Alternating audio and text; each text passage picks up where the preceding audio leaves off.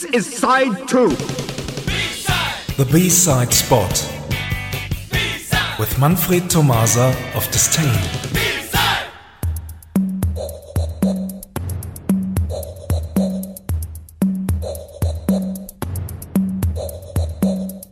Good evening, everyone. Tonight we jump straight into a new special called Depeche Mode and the 1990s. We already talked about the group's development during the 80s from pure synthpop to working with blues and rock elements. The beginning of a new decade saw Depeche Mode changing again and releasing their seventh studio album Violator in 1990. Violator was released in March 1990 after two successful UK top 10 singles, Personal Jesus and Enjoy the Silence. The album peaked number 2 in the UK album chart and gave Depeche Mode their first top 10 album in the US chart. Most of the programming work on this album was done by Alan Wilder, and many fans describe it as his best work ever. Here is a single A side from Violator. Here is World in My Eyes.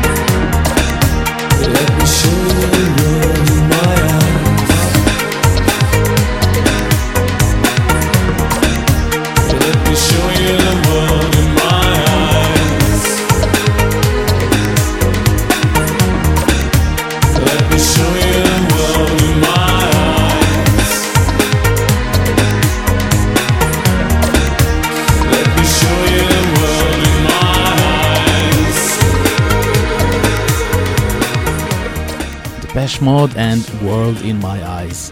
The 7 inch release of this track contained two exclusive B sides, which were both remixed by Francois Kevorkian.